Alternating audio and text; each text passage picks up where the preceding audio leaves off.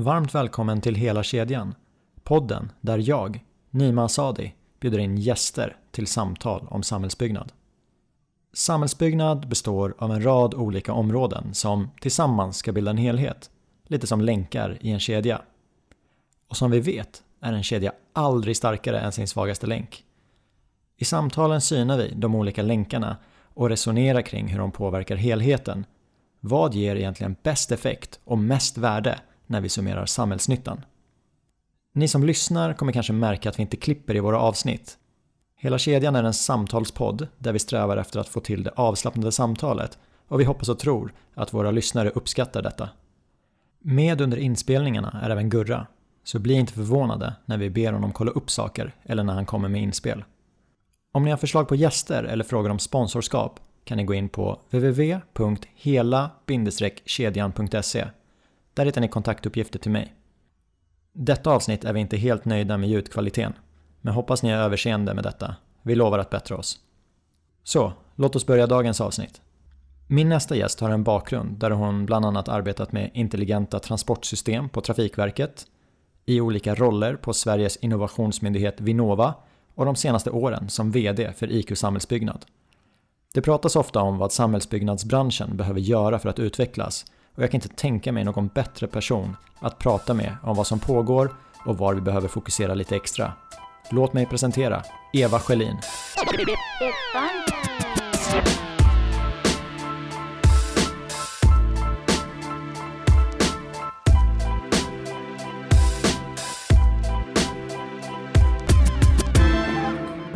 Välkommen till Vasastan-kontoret, Eva Schelin. Tack så hemskt mycket. Väldigt trevligt att vara här. Ja, men vad kul att vi fångade dig. Vi kommer ju komma tillbaka till, till det senare. Men det här är ju sista två veckorna i din roll som VD för IQ Samhällsbyggnad. Ja, det stämmer. Så jag är glad att du tog dig tiden att komma förbi kontoret här. Ja, men jag var lite nyfiken på hur det både hur det fungerar att spela in en podd och göra en podd och eh, tycker att det är ett format som är spännande och framtidsinriktat. Mm. Jag har ju läst om dig eh, både inför att du skulle bjuda in dig och till det här avsnittet. Men för våra lyssnare som kanske inte vet lika mycket om dig. Vem är Eva? Eh, jag är en kvinna i mina bästa år, eh, 50-plussare. Jag har jobbat med forskning och innovation hela mitt liv. Kan jag se nu när jag tittar tillbaka på mina olika roller jag har haft genom livet. Jag är eh, i botten utbildad civilingenjör från Chalmers. Jag har gått maskin där. Eh, jag har också en LIS från Linköpings universitet som tog eh, grymt länge att bli klar med. Jag började med den 2006 och gick i mål eh, eh, 2015 men det var en riktig arbetsseger. Eh, och det gjorde jag samtidigt som jag jobbade. Jag brinner för ett hållbart samhällsbyggande. Brinner för att vi ska bygga ett samhälle som tillåter människor att bo och leva på ett bra och hållbart sätt. Så det tycker jag är en röd tråd för mig och jag tycker att eh, forskning och innovation är otroligt viktiga bitar där så att vi vet eh, hur vi vi vet och, och, får verifierat hur vi ska bete oss. Vi vet vilka material som fungerar, vi vet vilka processer som fungerar. Och också det här med ramverk och legalt ramverk. Alltså vi behöver ha juridiken med oss så att vi har regler som hjälper till att styra åt rätt håll. Det här intresset för, för samhällsbyggnad, eller det är ju det är blandat. Du nämner ju utveckling och innovation också. Mm. Är, är det någonting som har hängt med sedan studietiden eller är det ett intresse som vuxit under arbetslivet?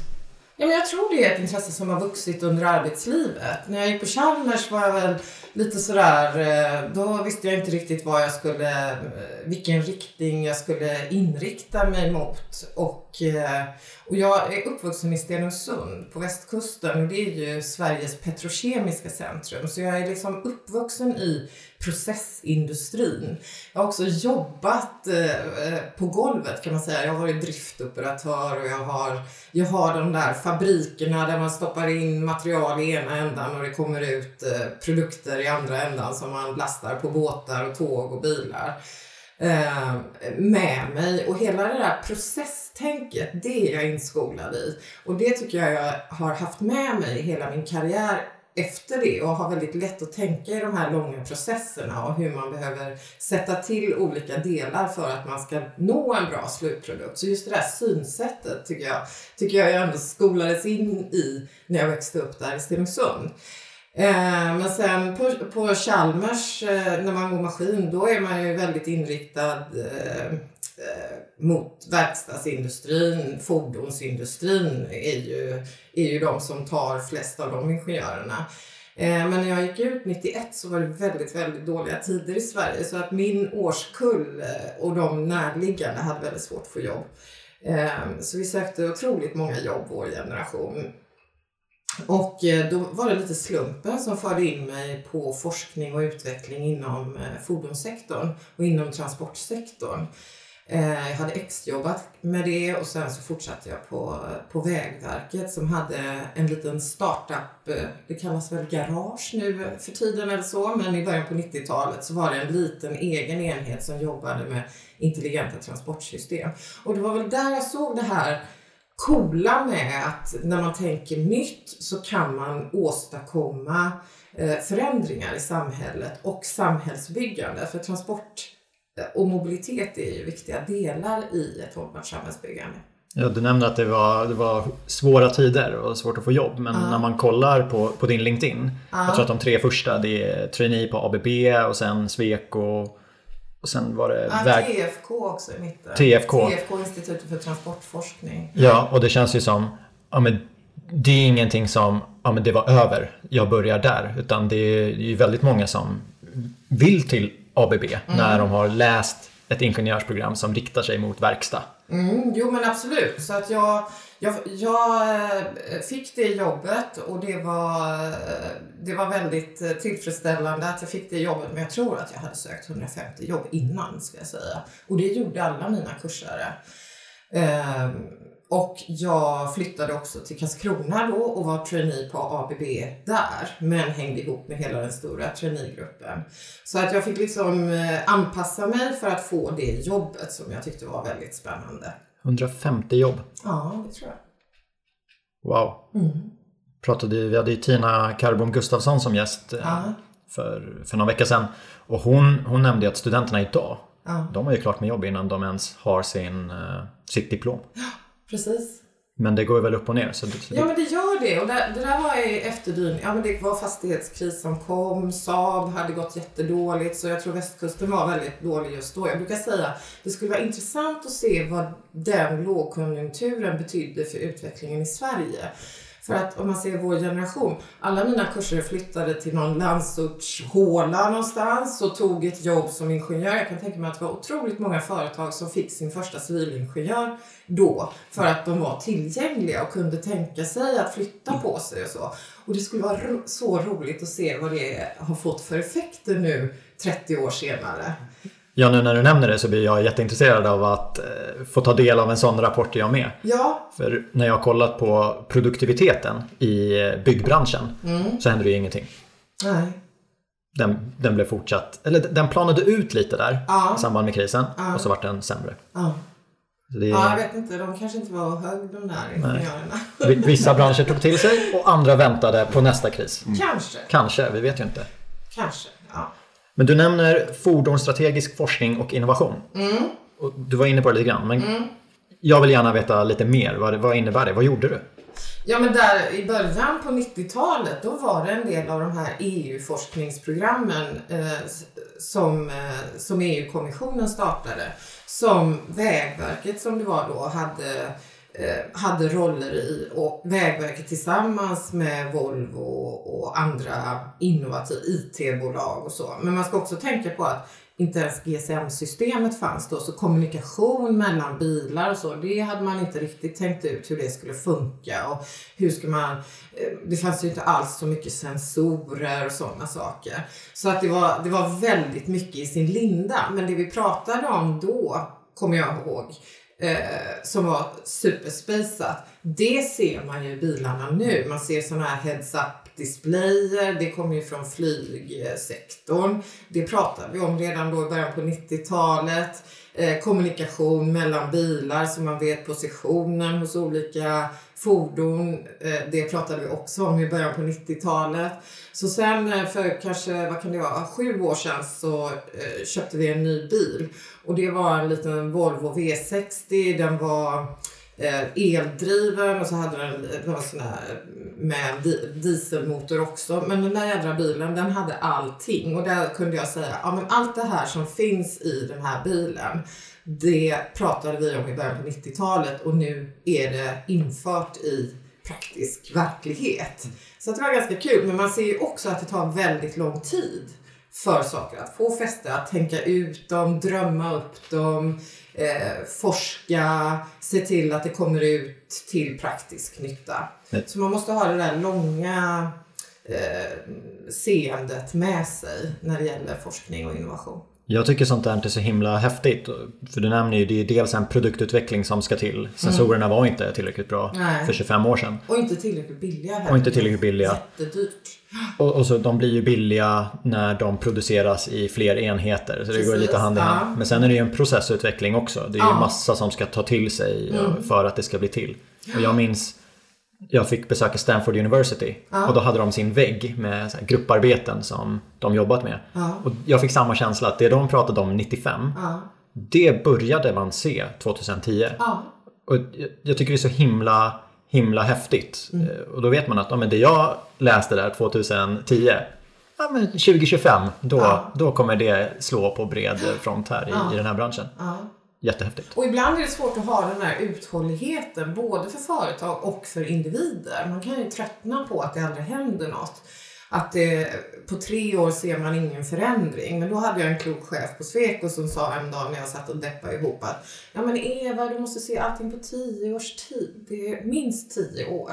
Så att det har jag med mig som, okej, okay, var inte så rastlös Eva, utan förstå att det är långa processer och det är väldigt många saker som ska samverka för att nå fram till att en innovation ska eh, komma och, och användas. Ska jag tolka det då som att du har sett saker som kommer komma i våra fordon men som jag ännu inte har sett? Uh, ja, jag tror det. Mm. Fast jag kan inte riktigt säga det här men jag tycker att det här med alltså självkörande fordon har ju jag uh, haft på min karta jättelänge. Uh, långt före antagligen du hade det på din karta. Ja. Mm. Och det, nu kommer ju de här sensorerna och de ska, kan prata med varandra, bilarna. Mm. Vi hade Mattias ehm, eh, Lundberg, mm. gäst i andra avsnittet. Han jobbar ju på trafikkontoret. Yeah.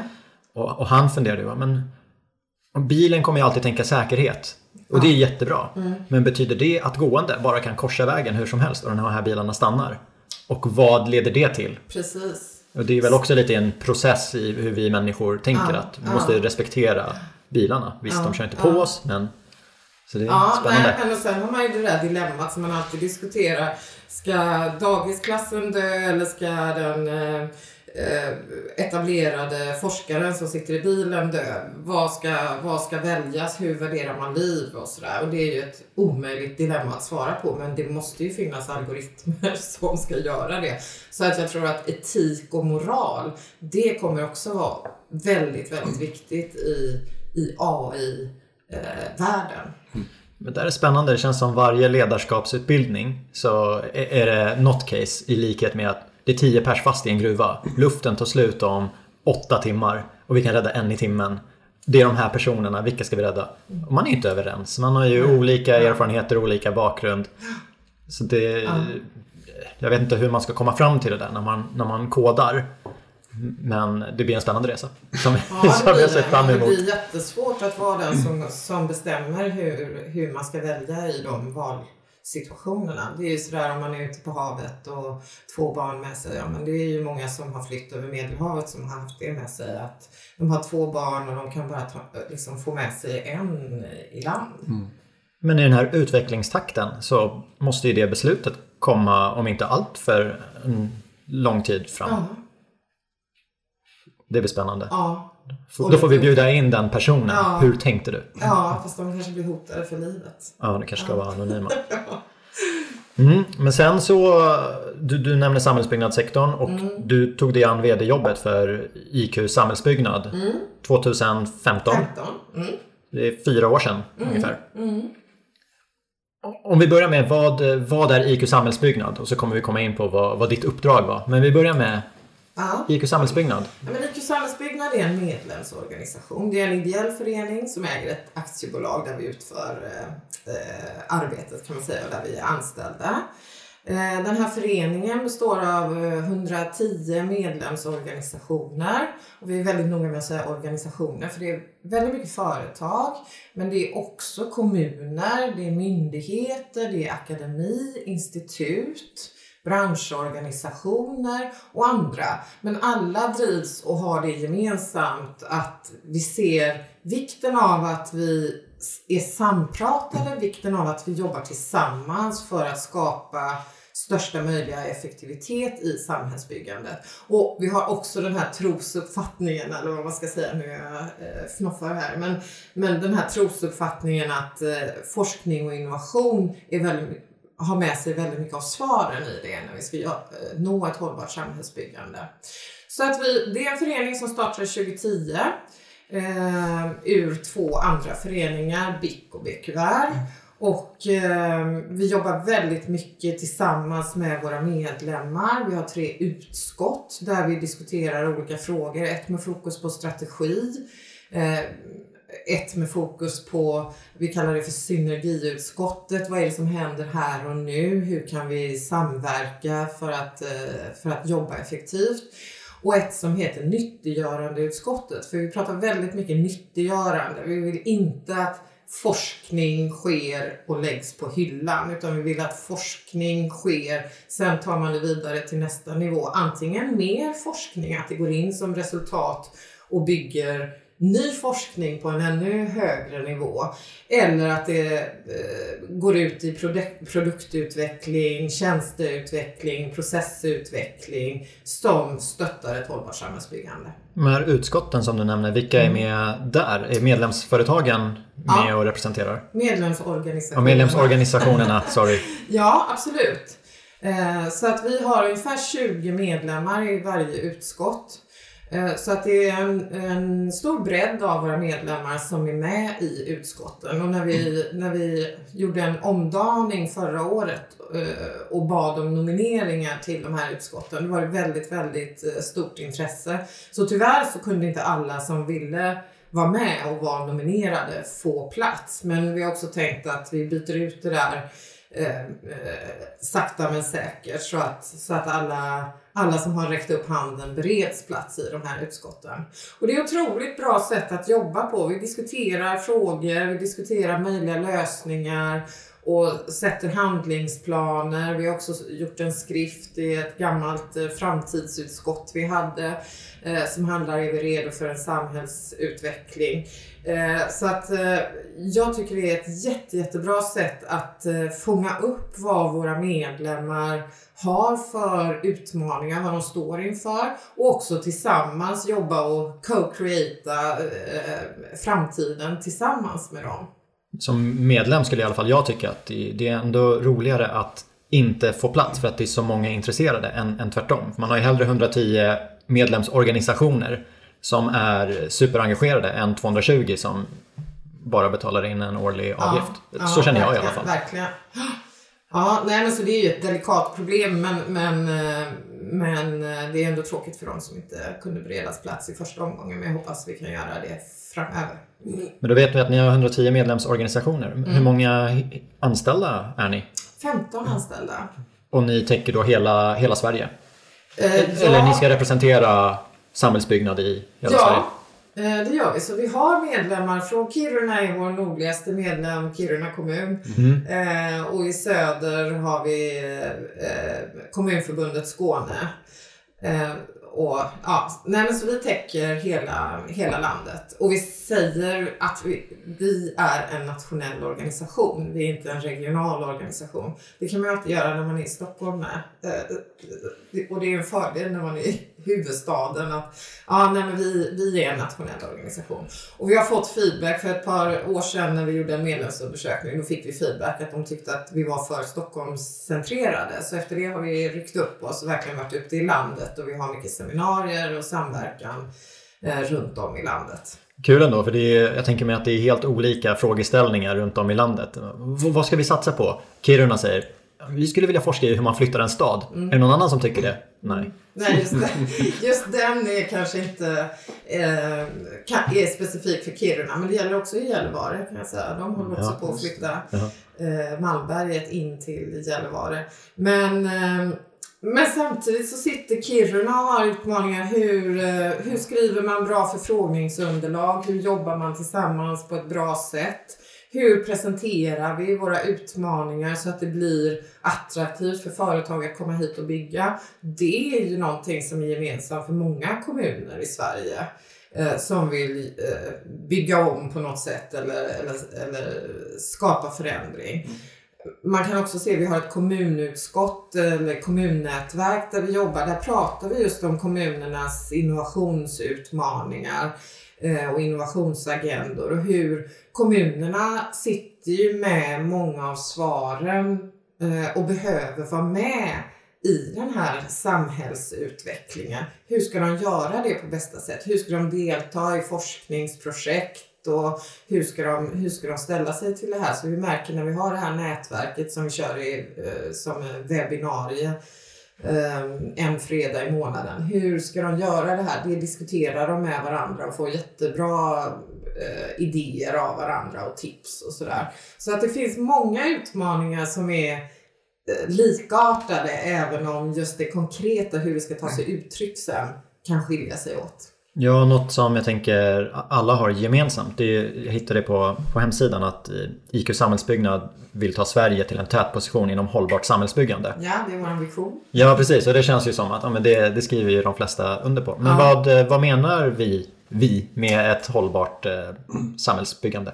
Ja, men dels är det ju att uppnå Agenda 2030 att se, och se till att vi blir eh, koldioxidneutrala att eh, ha hållbara energisystem, att eh, bygga med ett cirkulärt tänk.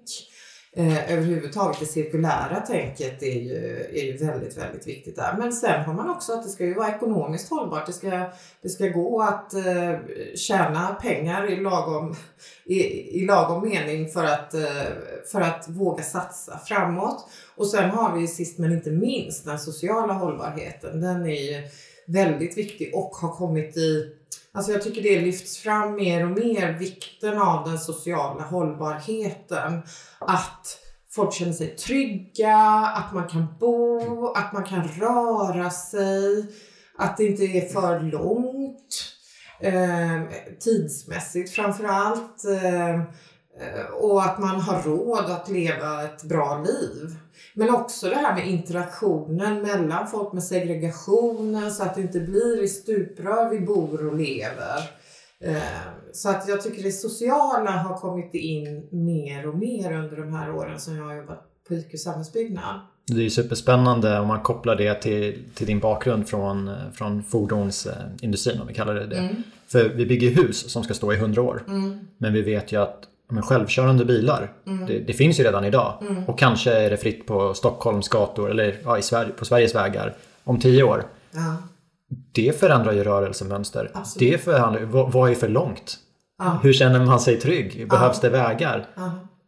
Just den här kontrasten att vi bygger någonting för hundra år, men tekniken det är inte så att den utvecklas en gång vart hundrade år Nej. och hur man, hur man ska tänka och motivera Nej. och Nej utbilda beslutsfattare. Jag tycker det låter jättespännande. Ja, och det där är ju, eftersom tidsaspekterna är så olika så är det ju svårt. Och, och därför gäller det att eh, eh samhällsbyggare förstår hur samhället kommer förändra och bygger på ett sätt och planerar på ett sätt som, eh, som kommer tillåta ett förändrat mobilitetsbeteende.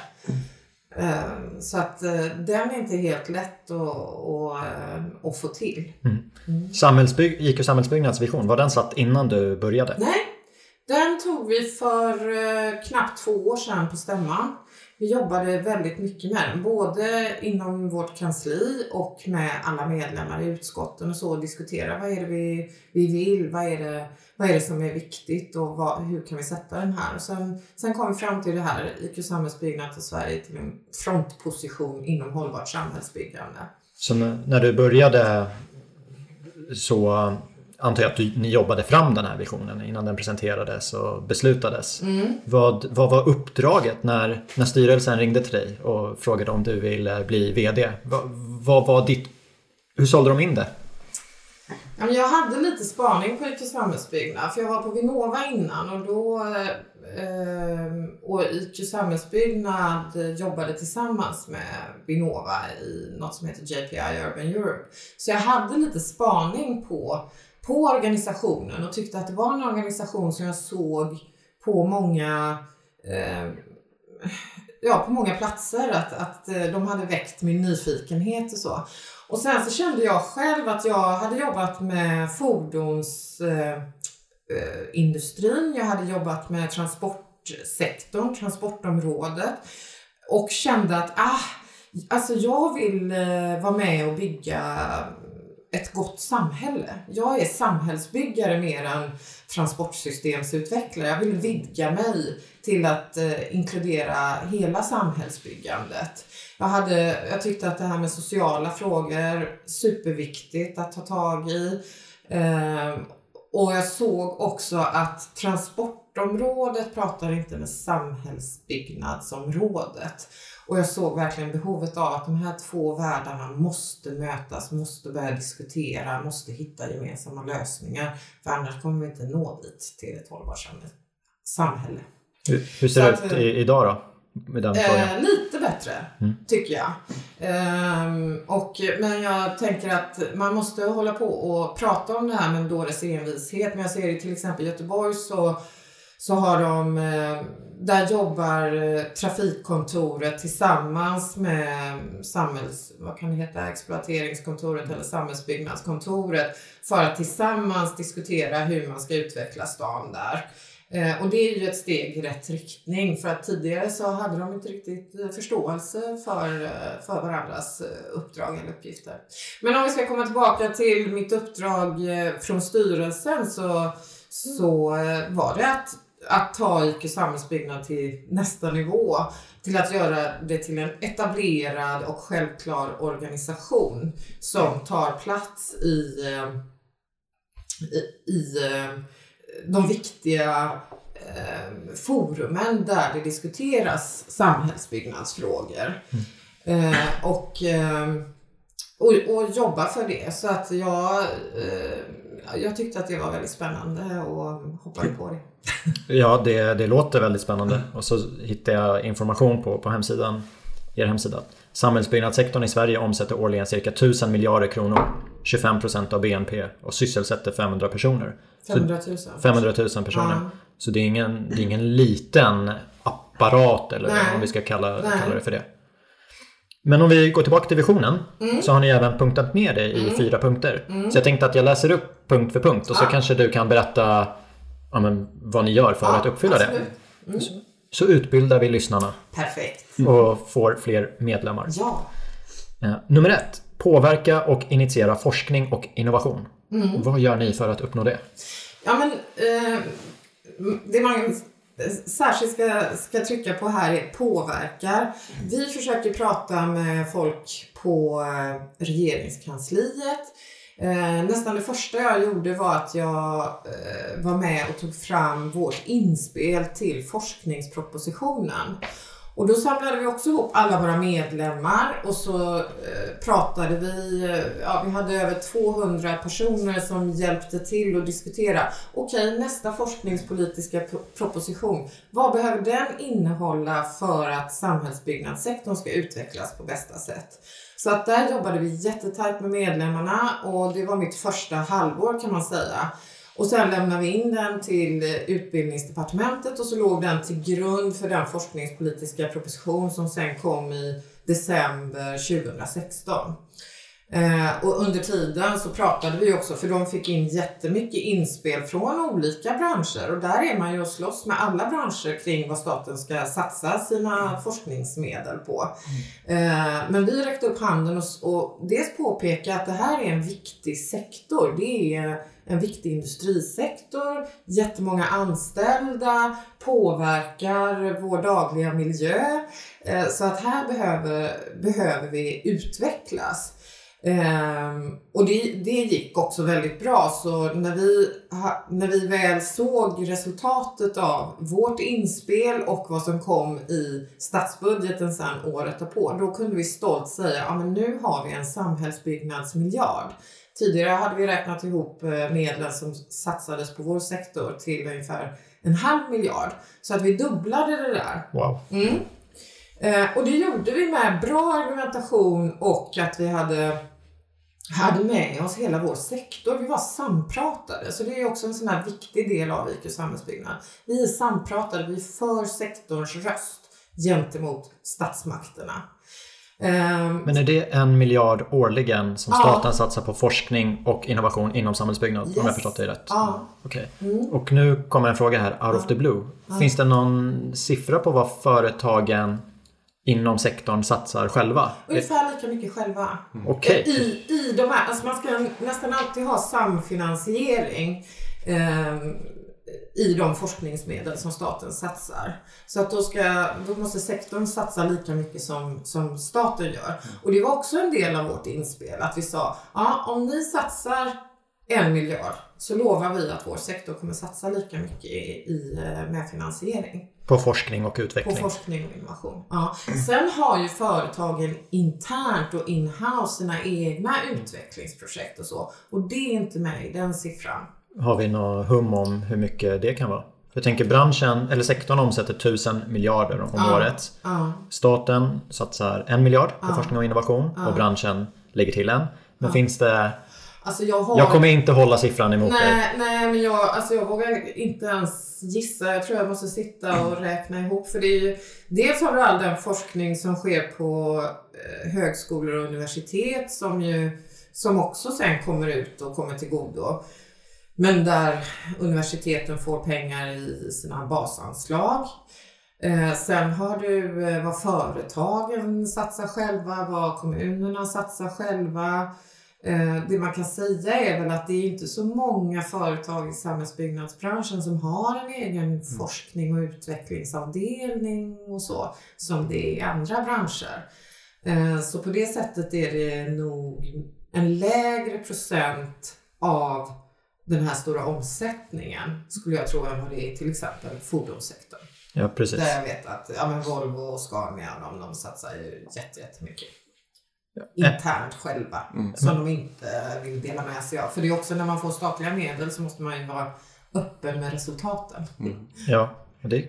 Och det är inte alltid att man vill vara det när man är i en starkt konkurrensutsatt industri. Ja, men det pratade vi om med Tina, just att eh, forskningsdelen den, den kan ju vara lite mer öppen. Sen själva innovationsdelen, vad man gör med forskningsresultaten. Ja, men där, där kan jag förstå att man, man hemlighetshåller. Men det finns ju en vinst i att samarbeta också. Ja. Eh, och det är ju så himla mycket miljarder i den här sektorn. Så det... Mm.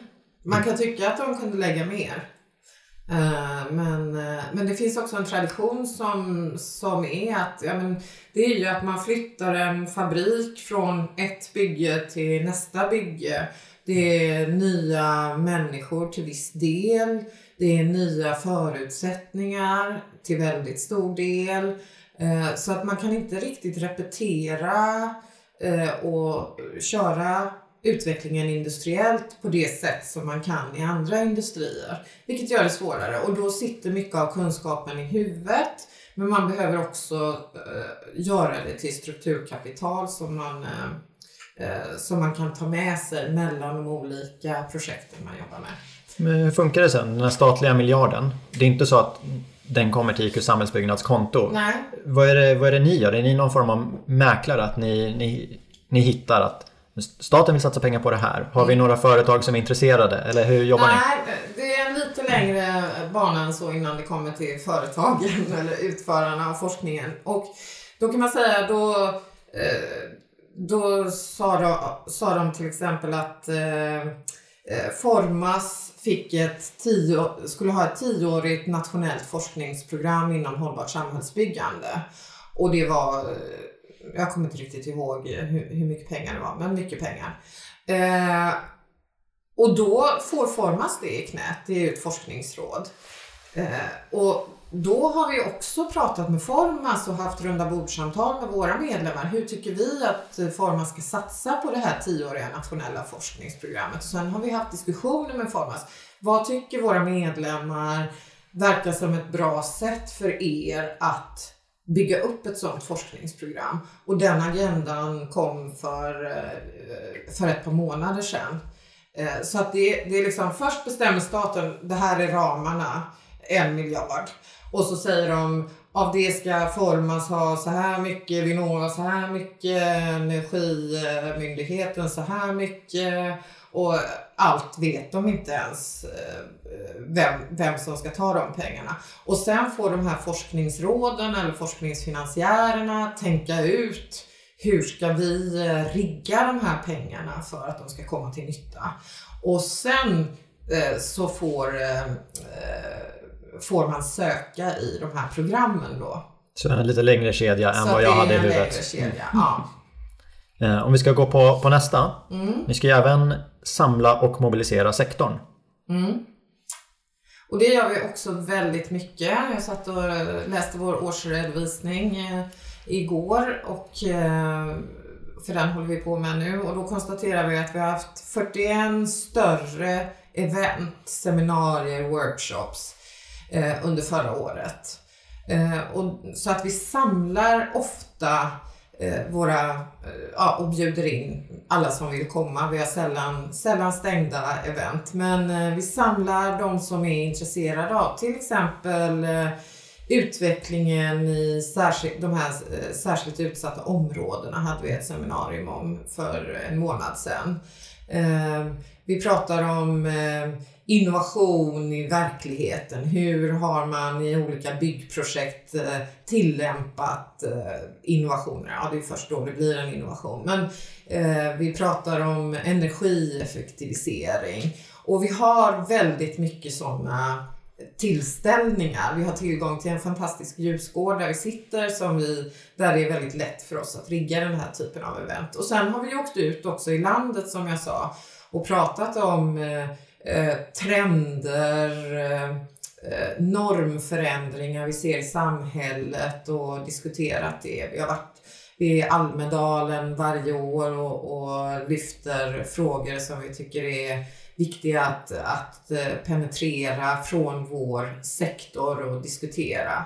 Eh, och allt det här försöker vi sedan samla ihop och ha med oss i det här jobbet med eh, när vi lämnar remissvar och när vi också gör nästa inspel till forskningspropositionen som vi tror det är dags för nu i höst igen. Ja, men det är intressant det du säger om mötesplatser och mm. vart branschen kan mötas. För Almedalen känner ju rätt många till. Och så nämner du dina eh, eller IQ Samhällsbyggnads workshops. Ja. Men om man gräver lite djupare, det, det, finns ju ganska många forum nu, upplever jag det. Verkligen. Så hur, hur är din bild? Har, har vi tillräckligt med, med mötesplatser som det är idag? Eller är det någonting vi ska satsa på att utöka? För, för hela branschen då? Nej, jag tycker att, alltså jag håller med dig. Jag får eh, jättemycket nyhetsbrev och inbjudningar och så. Jag ser ju att det är många som vill diskutera frågorna och eh, försöker hitta bra format för att eh, också en bred publik ska komma och, och engagera sig. Eh, så jag tror att det, det finns många mötesplatser. Sen, sen kan man ju eh, såklart utöka men något med, med fler också om man har väldigt spännande ämnen. Och, eh, så att eh, det finns nog utrymme för mer. Men jag kan inte riktigt säga det här saknas. Nej.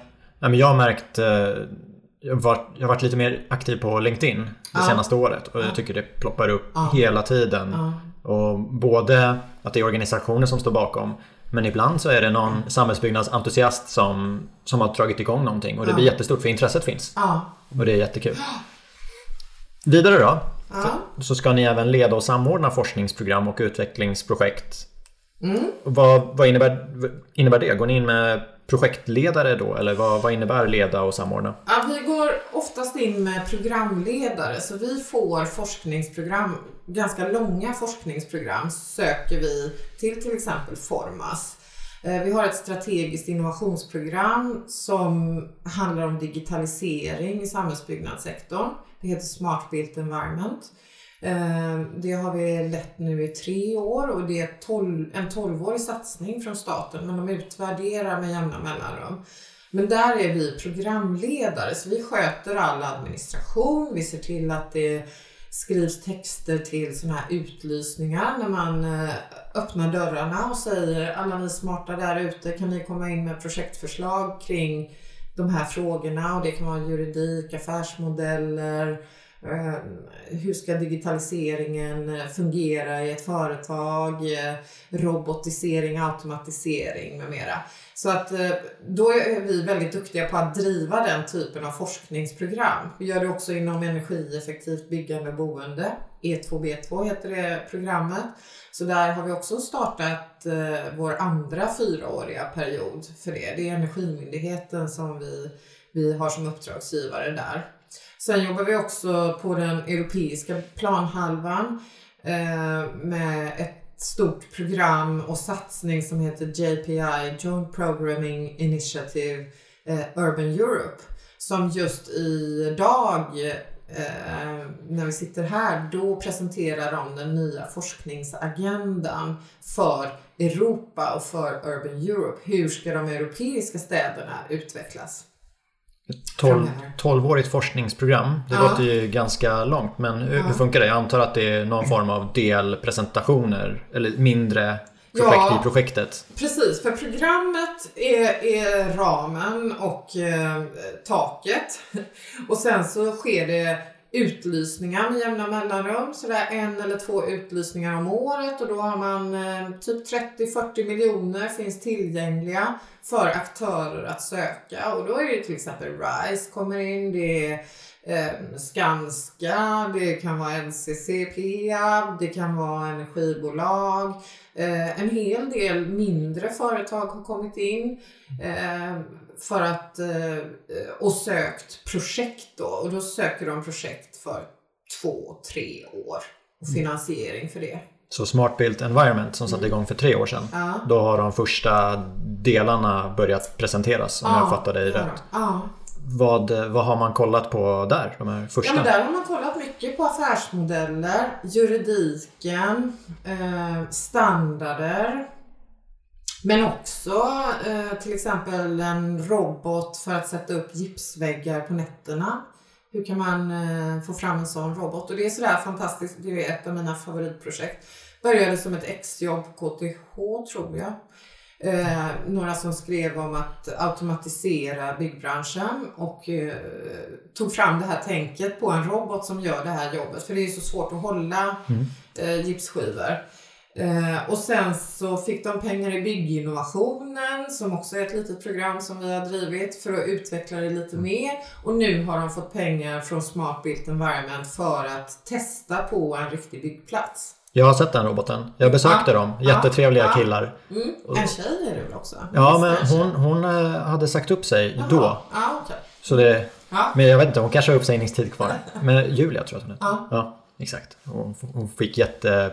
Hon var på ett eh, event i Almedalen i förra sommaren. Ja. Jag fick jättepositiv kritik. Så, Ja. så när jag sa att jag skulle besöka det här företaget så sa de häl- säg till Julia att hon var grym. Ja. Så det är trist att hon lämnar. Men i alla fall, jag har sett den roboten och Ja. det jag tyckte var sunt med det företaget, Mm. det var ju det var inte det här tänket att vi ska konkurrera ut massa arbetskraft utan det var precis det du säger att den här roboten ska köra på nätterna Ja. för att nyttja arbets, eh, dygnets alla timmar.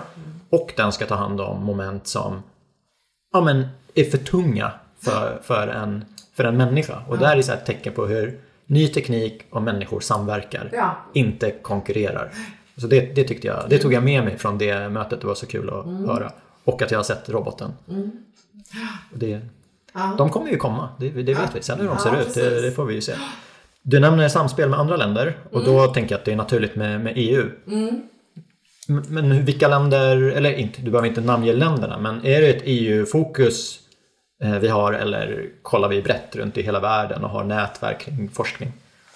Alltså universiteten är väl de bästa, de är ju duktiga på att ha eh, ett internationellt perspektiv. Tittar man på forskare på universitetet så behöver de ju alltid göra en ordentlig omvärldsbevakning och titta vad är state of the art inom mitt område. Så jag tycker de är alltid väldigt väl pålästa. Men sen så har vi ju, vi har, i Europa eh, så är det ändå ganska likt. Vi har en gemensam organisation med EU och eh, EUs ramprogram för forskning och innovation har ju satt sig och, och tickar och går.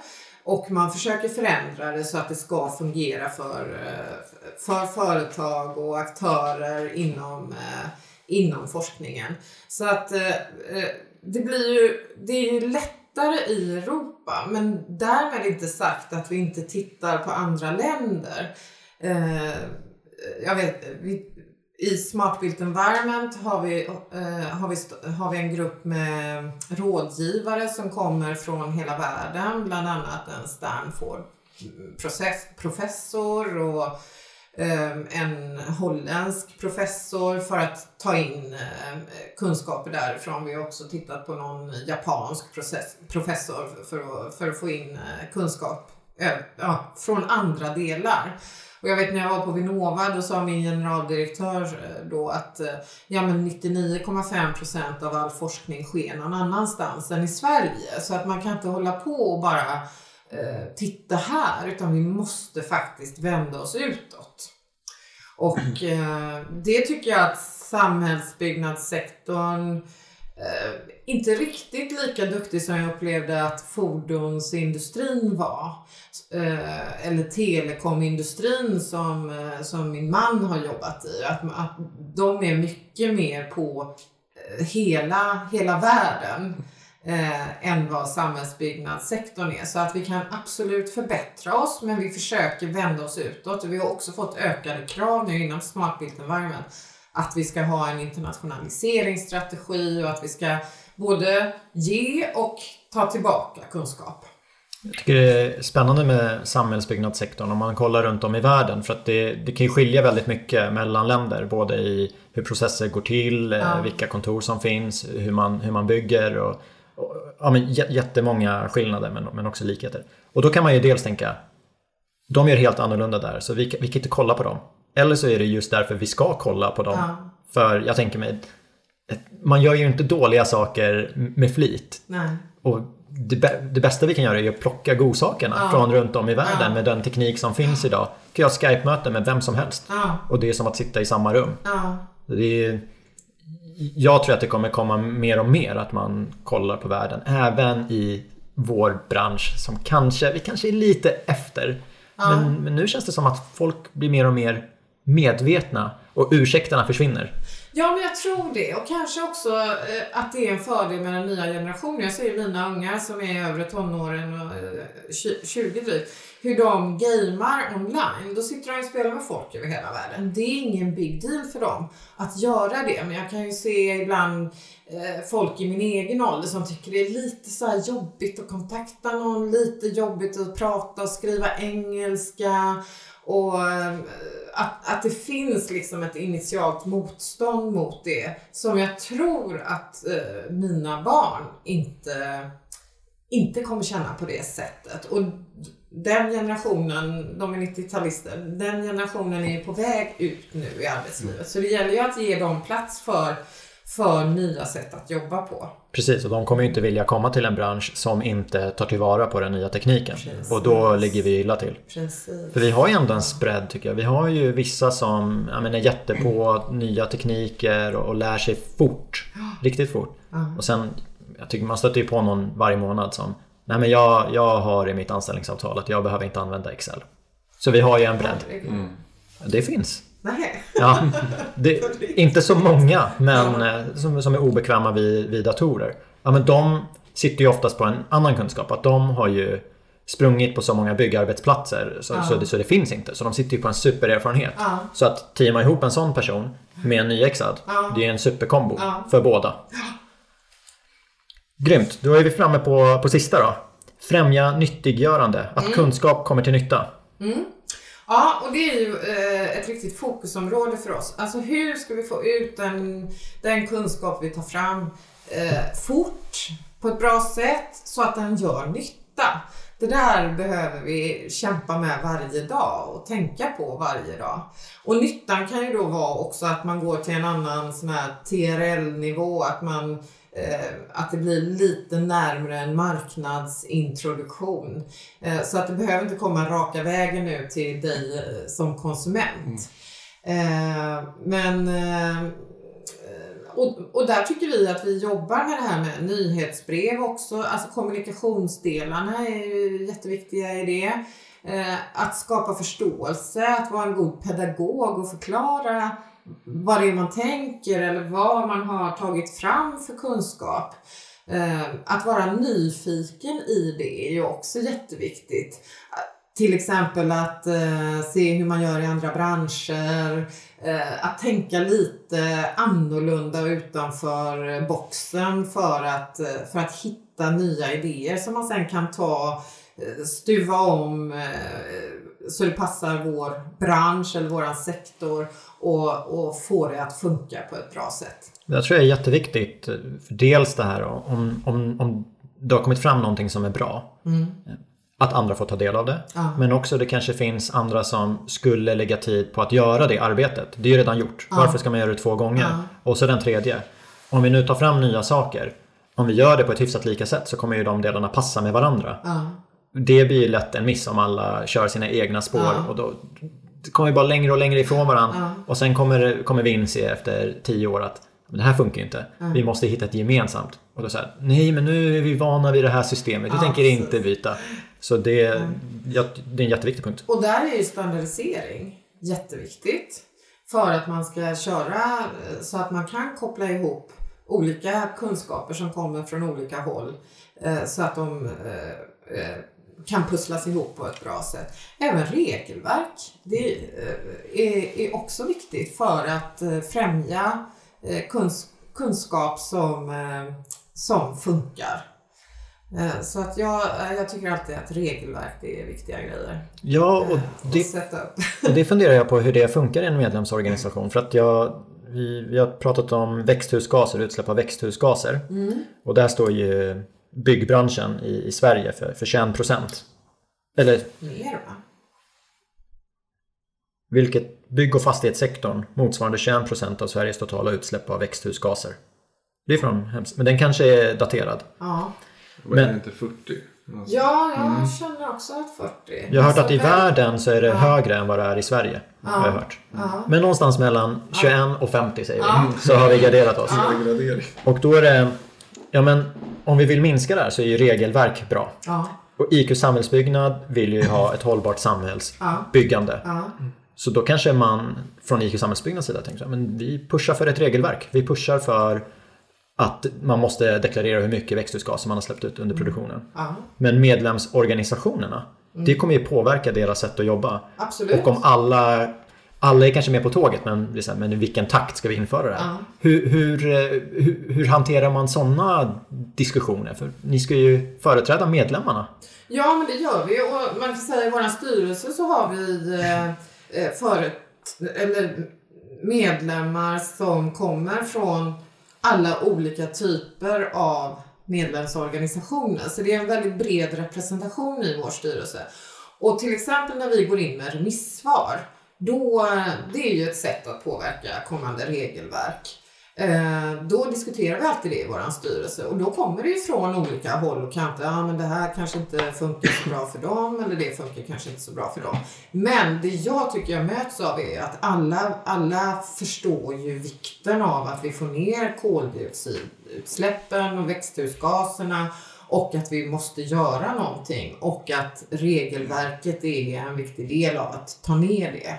Men jag kan också säga, eh, för två, tre år sedan så kom det en rapport eh, som Sustainable Innovation gjorde och där såg man att hälften av alla utsläpp orsakas under byggtiden. Mm.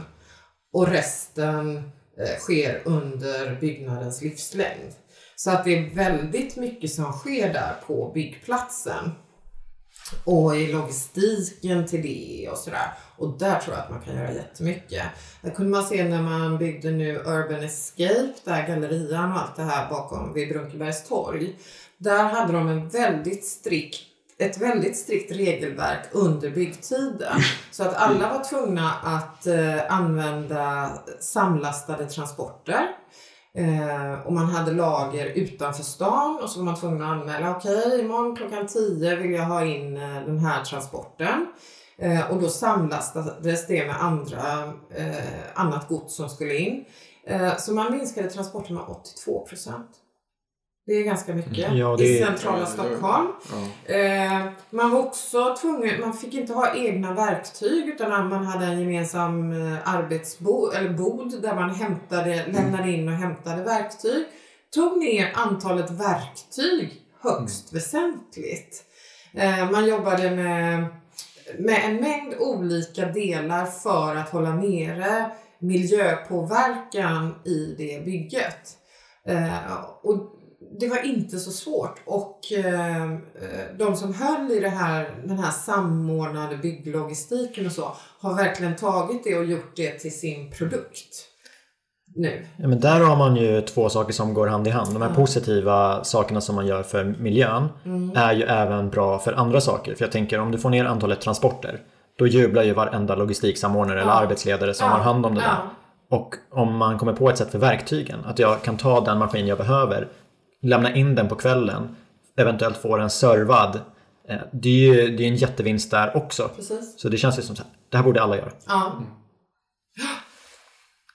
Jag tänkte kolla med dig, du har ju varit VD i fyra år. Ja. Om vi tar branschens mest prioriterade, prioriterade frågor idag, vilka skulle du säga att, att de är? Vad är det medlemsorganisationerna efterfrågar? Att det här, det här skulle vi vilja forska om och det kan ju vara miljö eller digitalisering, eh, bara några exempel. Och skulle du säga att det har förändrats sen du, sen du tog över? Går det att se något sånt? Nu är det inte så lång tid men det är jag jätteintresserad av att höra mer om. Uh, ja, jag tycker att uh, planeringsprocessen uh, att att se till att den blir digital, digital samhällsplaneringsprocess.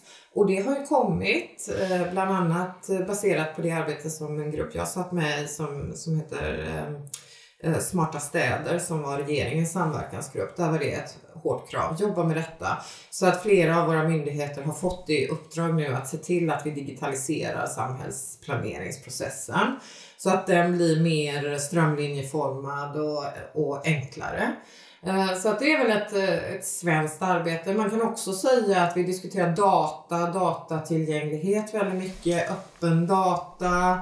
Eh, många tycker att släpp, eh, släpp eh, Lantmäteriets krav på att försörja sig själva och ge dem ett statsbidrag och den data de har ska vara tillgänglig för alla medborgare istället. Eh, och även kommunerna håller på och säljer en massa kartdata och, och, och eh, att, att det blir lite...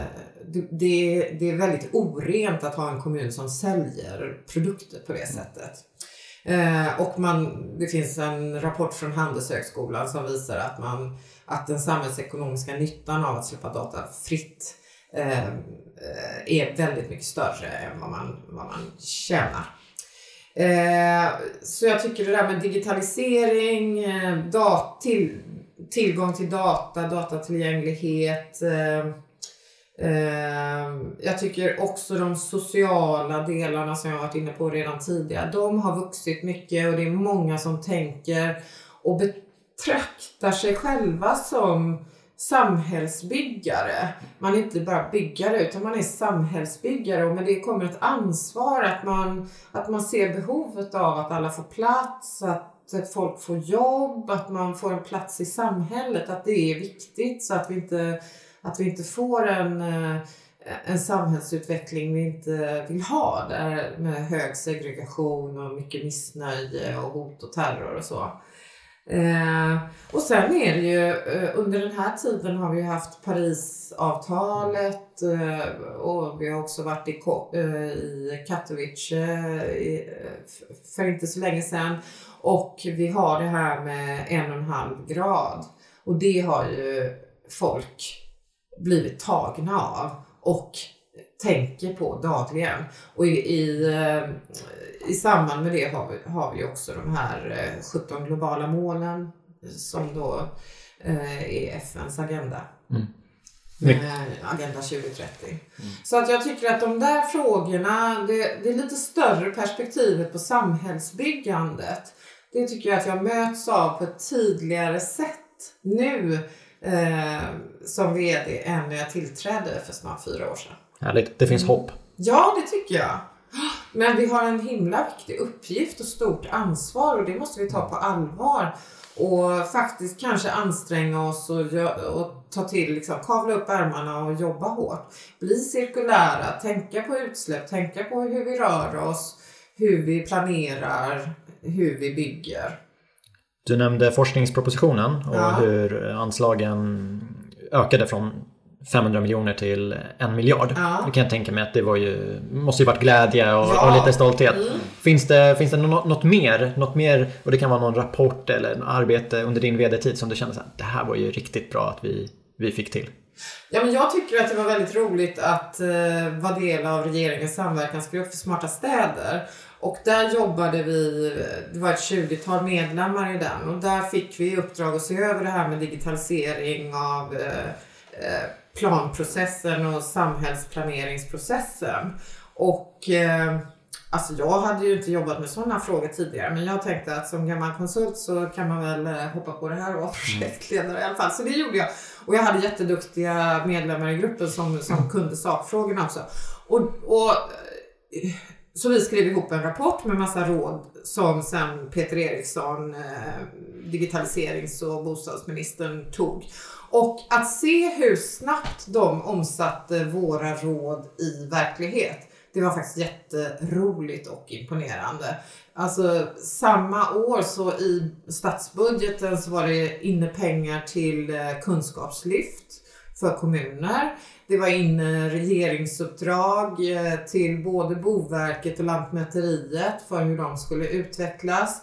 Det finns eh, förslag nu på hur kommunerna ska jobba med öppna data och med sin samhällsplaneringsprocess.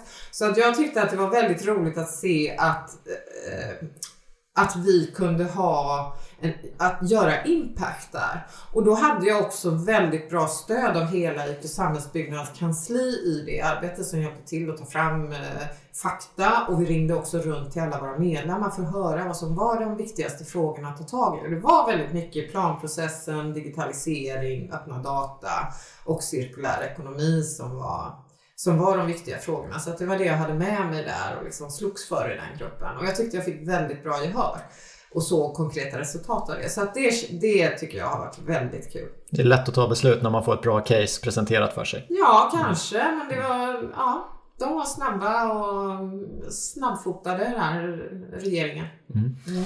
Jag tänkte nu när jag har det här mm. kan jag ställa fråga om innovation. Jag läste i en artikel och då var det en chef på Volvo som jobbar med deras nya koncept för självkörande bilar. Ja. Och där sa hon att om man på riktigt vill få till innovation ja. så måste den gruppen som arbetar med det här projektet som hon kallar det ja. vara fristående. Inte vara i den klassiska linjeorganisationen ja. utan man ska rapportera direkt till ko koncernchef. Du har ju jobbat nära företag som, som har olika forskningsprojekt, innovationsprojekt. Delar du den bilden? Jag tror att det är lättare om man kan skapa en sån eh, grupp som får jobba fritt och ostört. Men jag tror nästan att det hänger mest på personerna. Mm. Alltså de ingående personerna och deras mod och deras förmåga att lyfta blicken, att eh, sno grejer från andra, eh, sno idéer från andra sektorer, att eh, kun, ha förmåga att skåda in i framtiden och faktiskt skåda runt hörn också. Eh, men sen behöver man ju ha en gedigen eh, teknisk eh, kunskap för att kunna omsätta det. Eller tillgång till gedigen teknisk kunskap som kan omsätta det också. Och även det här regelverket, det behöver ju också förändras. Det kanske var det hon, hon var inne på, om jag ska tolka henne. För när, när hon rapporterar direkt till Håkan Samuelsson så, Ja. så är det ju bra personer i den länken. Men Ja. om man ska gå igenom flera då kanske det är lite svårare att säkerställa att det är personer som, som främjar innovation och är lyhörda. Ja, kanske var precis. det, det hon kom in på. Men apropå personer Ja, så är ju du med i juryn till Årets bygge. yes. Och det involverar väldigt många personer där ute som är nominerade. Ja.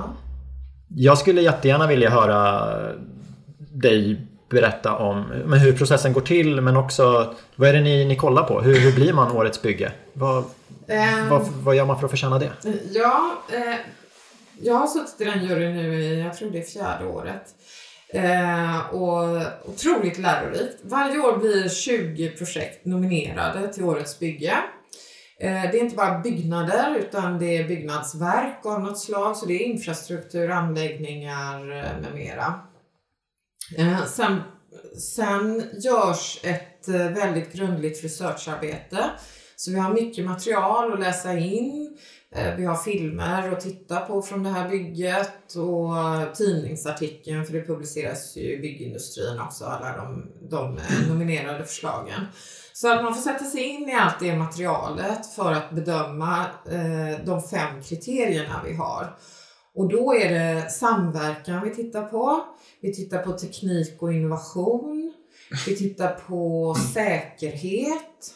Vi tittar på budget och tid. Och så är det en till som jag inte kommer ihåg nu. Eh, hållbarhet. Mm. Ja. Så de fem kriterierna bedömer vi på en 10-gradig skala. Eh, och sen så eh, träffas vi och tittar på hur vi har gjort de här bedömningarna och, och, så, och diskuterar utifrån det. Så vi brukar ha att det trattas ner till, ja, från 20 kanske vi går till 10 och sen till 5 som är de slutliga eh, finalisterna.